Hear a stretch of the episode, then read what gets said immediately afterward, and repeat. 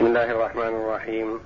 الحمد لله رب العالمين والصلاة والسلام على نبينا محمد وعلى آله وصحبه أجمعين. وبعد. أعوذ بالله من الشيطان الرجيم. وإن منكم إلا واردها كان على ربك حتما مقضيا. ثم ننجي الذين اتقوا ونذر الظالمين فيها جثيا. لما أخبر الله جل وعلا عن قول الكافر وإنكاره للبعث بعد الموت واستبعاده لذلك واستدل جل وعلا على البعث بأنه خلق الإنسان من العدم لأول مرة ولم يكن شيئا ثم يميته فإعادته إلى حالته الأولى أهون على الله جل وعلا من خلقه أول مرة. ثم بين جل وعلا أنه يجمع الكفار وينزع الرؤساء والعظماء منهم والقادة فيكونون أولى بعذاب النار وفي قعرها ويكون المقلدون لهم تبعا في ذلك. قال جل وعلا وإن منكم إلا واردها كان على ربك حتما مقضيا. إن هذه هي النافية. ما منكم من أحد إلا واردها.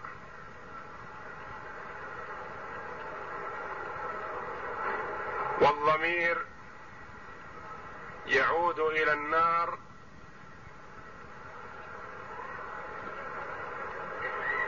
المذكورة في الآيات السابقة.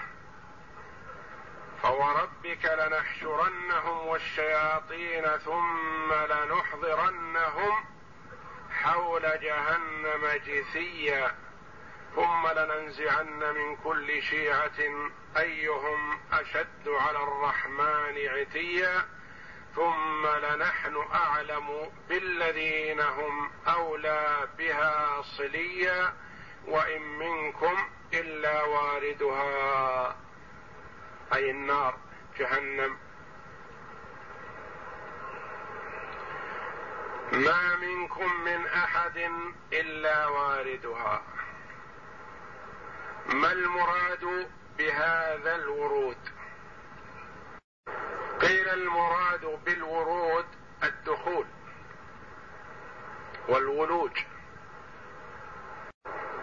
وقد روى جابر رضي الله عنه قال سمعت رسول رسول الله صلى الله عليه وسلم يقول لا يبقى بر ولا فاجر إلا دخلها. فتكون على المؤمن بردا وسلاما كما كانت على إبراهيم حتى إن للنار ضجيجا من بردها ضجيجا من بردهم ثم ينجي الله الذين اتقوا ويذر الظالمين فيها جثيا. وحاج عبد الله بن, مس... بن عباس رضي الله عنه نافع بن الأزرق.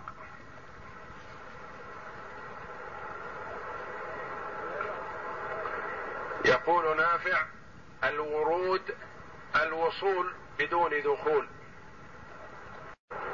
يقول عبد الله بن عباس رضي الله عنهما ويقسم بأن المراد بالدخول بالورود الدخول. واستدل بآيات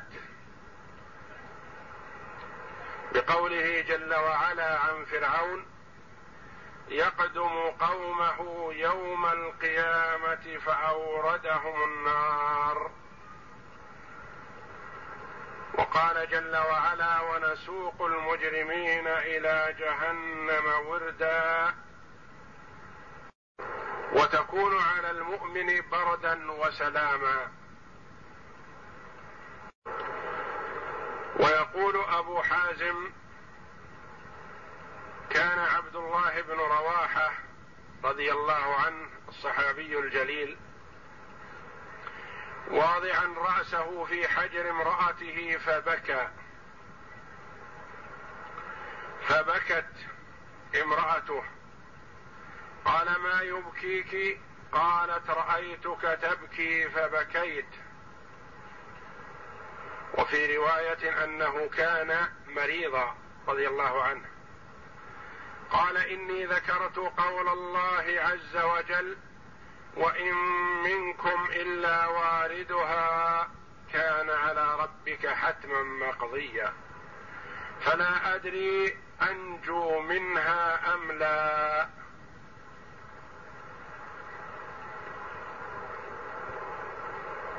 فعدد من الصحابة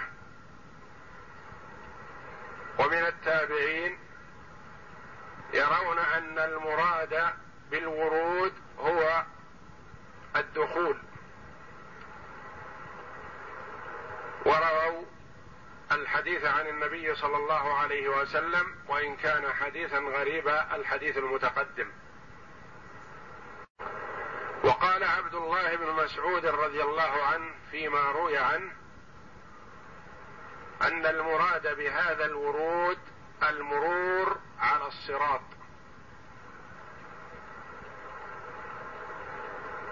فالناس يمرون كلهم على الصراط والصراط منصوب على متن جهنم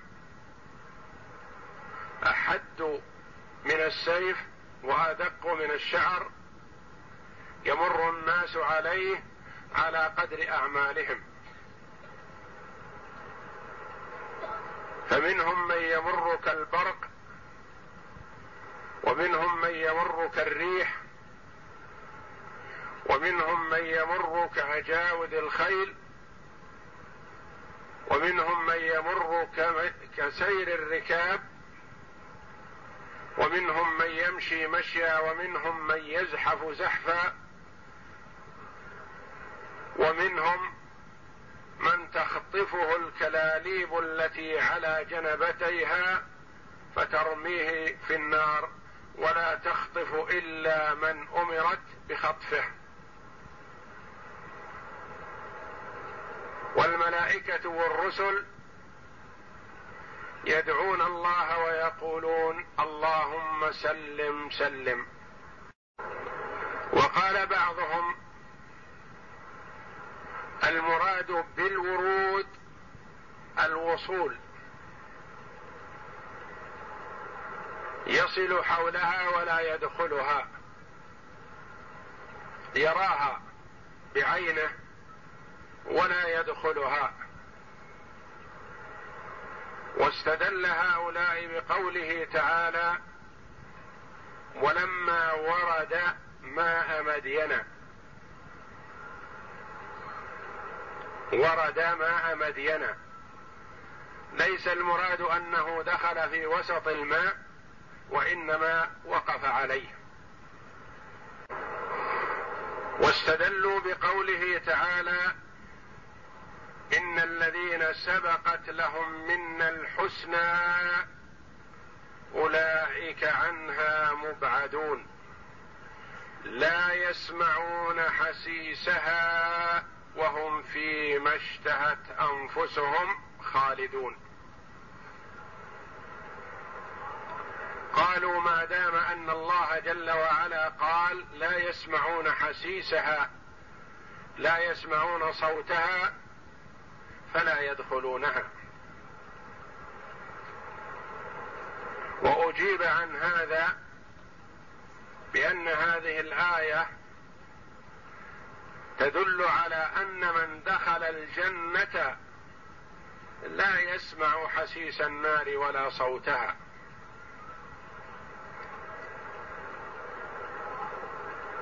فلا يسمعونها بعد أن أنجاهم الله منها. والجمع وارد بحمد الله وممكن. فيقال لا يسمعون حسيسها بعد دخولهم الجنة وقد يمرون عليها أو يدخلونها فإن دخلوها كانت عليهم بردا وسلاما وإن كان مرورهم عليها من أعلاها على متن الصراط فالمرور على قدر الأعمال وعلى تفاوتهم في الإيمان. فمنهم من يمر كالبرق. وهكذا تنازليا حتى يمر عليها من يزحف زحفا. وقد يلقى فيها من يخرج منها ويمكث فيها ما شاء الله أن يمكث. فإذا لم يعف الله عن أصحاب الكبائر من أهل التوحيد والإسلام فيبقون في النار ما شاء الله أن يبقوا.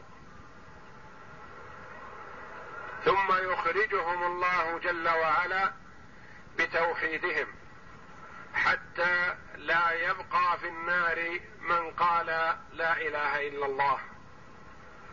لا يبقى في النار من في قلبه مثقال ذرة من إيمان وفي رواية من خير. ولا يخلد في النار إلا المشرك الكافر. ومما يؤكد المرور عليها أو دخولها حسب ما شاء الله قول النبي صلى الله عليه وسلم في الحديث في الصحيحين لا يموت لأحد من المسلمين ثلاثة من الولد تمسه النار إلا تحلة القسم.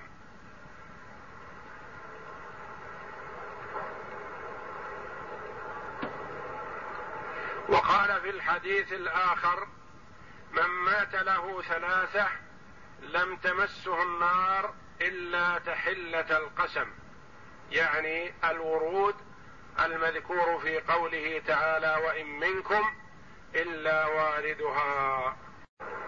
وقال بعضهم ورود النار ما يصيب المؤمن من الحمى في الدنيا وذلك أنها أن الحمى من وهج جهنم. فقد روى أبو هريرة رضي الله عنه قال خرج رسول الله صلى الله عليه وسلم يعود رجلا من أصحابه وعك يعني أصابته الحمى وأنا معه. ثم قال إن الله تعالى يقول هي ناري أسلطها على عبدي المؤمن لتكون حظه من النار في الآخرة. فقد تكون الحمى التي تصيب العبد المؤمن في الدنيا نصيبه من النار في الدار الآخرة. وإن منكم إلا واردها كان على ربك حتما. حتما مقضيا قسما قسمه الله جل وعلا وحتمه وأكده. والله جل وعلا لا يلزمه شيء وإنما أكد هذا جل وعلا.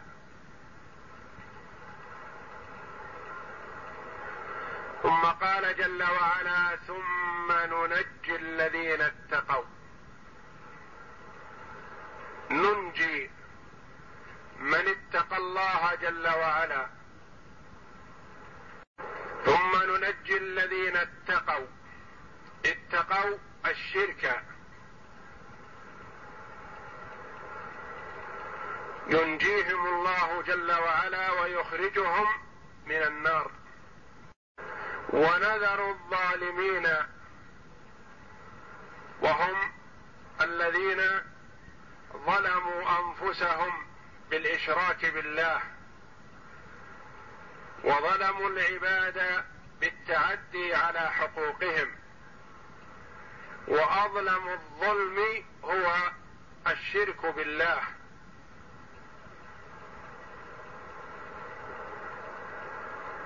قال النبي صلى الله عليه وسلم ألم تسمع إلى قول العبد الصالح إن الظلم إن الشرك لظلم عظيم؟ المراد لقمان عليه السلام. إن الشرك لظلم عظيم. ثم ننجي الذين اتقوا. ونذر الظالمين نترك. الظالمين فيها جثيا جاثين فيها خالدين مخلدين وهم الكفار. وأهل السنة والجماعة يقولون إن صاحب الكبيرة لا يخلد في النار. إن المسلم مهما ارتكب من الكبائر ما دام معه التوحيد فلا يخلد في النار. وإنما يخلد في النار الكفار.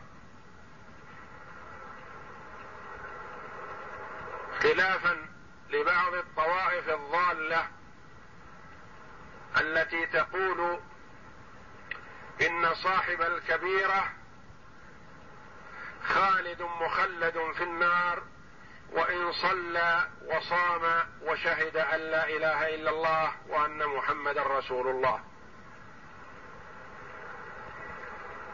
وهذا قول ضال.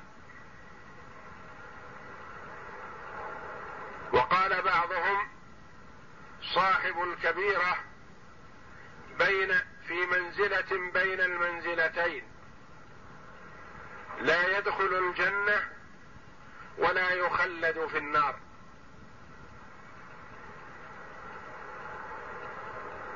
والمراد بالكبيرة الكبائر ما دون الشرك وإلا فأكبر الكبائر الشرك وصاحبه مخلد في النار بقوله جل وعلا إن الله لا يغفر أن يشرك به.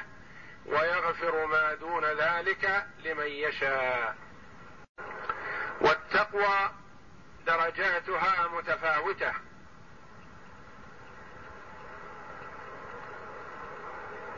من اتقى الله بفعل المأمور وترك المنهي عنه والأعمال الصالحة يعتبر اتقى الله جل وعلا ونال المرتبة العليا. من اتقى الشرك اجتنب الشرك وإن وقع فيما وقع فيه من المعاصي كبارا أو صغارا فقد اتقى الله بترك الشرك. فهو متقي.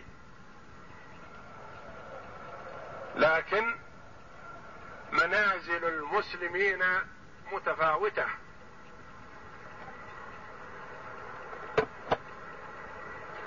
بحسب إيمانهم وتقواهم لله جل وعلا. ثم ننجي الذين اتقوا ونذر الظالمين فيها جثيا. باقين فيها وهم المشركون باقون في النار دائما وأبدا. فقوله جل وعلا ثم ننجي الذين اتقوا أي إذا مر الخلائق كلهم على النار وسقط فيها من سقط من الكفار والعصاة ذوي المعاصي بحسبهم نجى الله تعالى المؤمنين المتقين منها بحسب أعمالهم فجوازهم على الصراط وسرعتهم بقدر أعمالهم التي كانت في الدنيا. ثم هؤلاء الأخيار من المؤمنين يشفعون في أصحاب الكبائر من المؤمنين فيشفع الملائكة والنبيون والمؤمنون. فيخرج الله خلقا كثيرا قد أكلتهم النار إلا دارات وجوههم وهي مواضع السجود وإخراجه وإخراجه إياهم من النار بحسب ما في قلوبهم من الإيمان. والشفعاء هؤلاء يشفعون بإذن الله جل وعلا. وإلا فلا يشفع أحد إلا بإذنه. ولا يشفع شافع إلا لموحد. كما قال الله جل وعلا من ذا الذي يشفع عنده إلا بإذنه؟ وقال جل وعلا ولا يشفعون إلا لمن ارتضى. لمن ارتضى الله عمله التوحيد. وأما من كان مشركا فلا يشفع فيه أحد كما قال الله جل وعلا فما تنفعهم شفاعة الشافعين.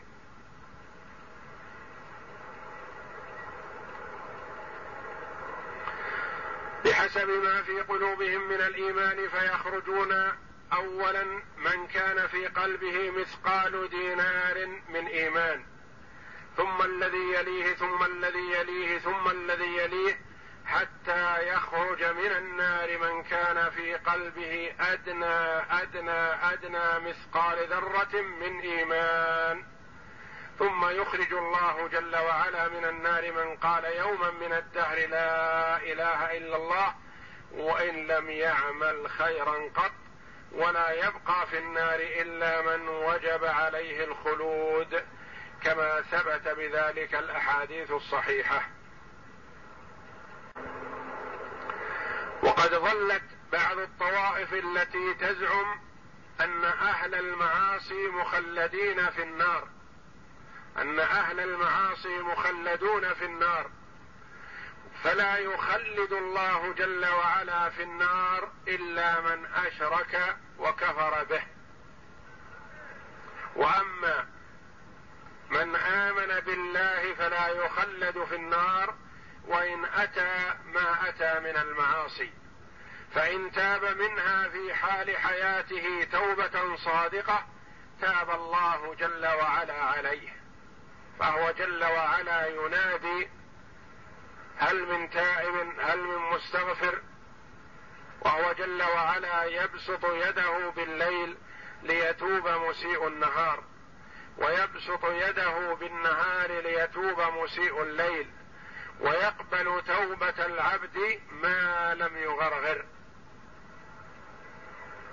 فإن مات على معصيته فلا تخلو. إن كانت صغيرة فالله جل وعلا يكفرها بالصلاة والصيام والصدقة وبر الوالدين والأفعال الحسنة. وإن كانت من الكبائر كان تحت المشيئة. إن شاء الله جل وعلا غفر له وأدخله الجنة من أول وهلة. وإن شاء الله عذبه وأدخله في النار وطهره من ذنوبه ثم يخرجه جل وعلا من النار ويدخله الجنة. يقول عبد الله بن عباس رضي الله عنه والله إن كان دعاء من مضى اللهم أخرجني من النار سالما وأدخلني الجنة غانما.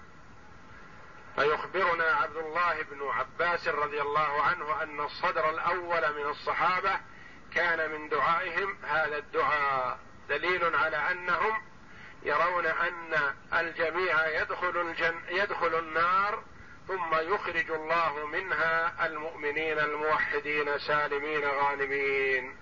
والله أعلم وصلى الله وسلم وبارك على عبده ورسول نبينا محمد وعلى آله وصحبه أجمعين.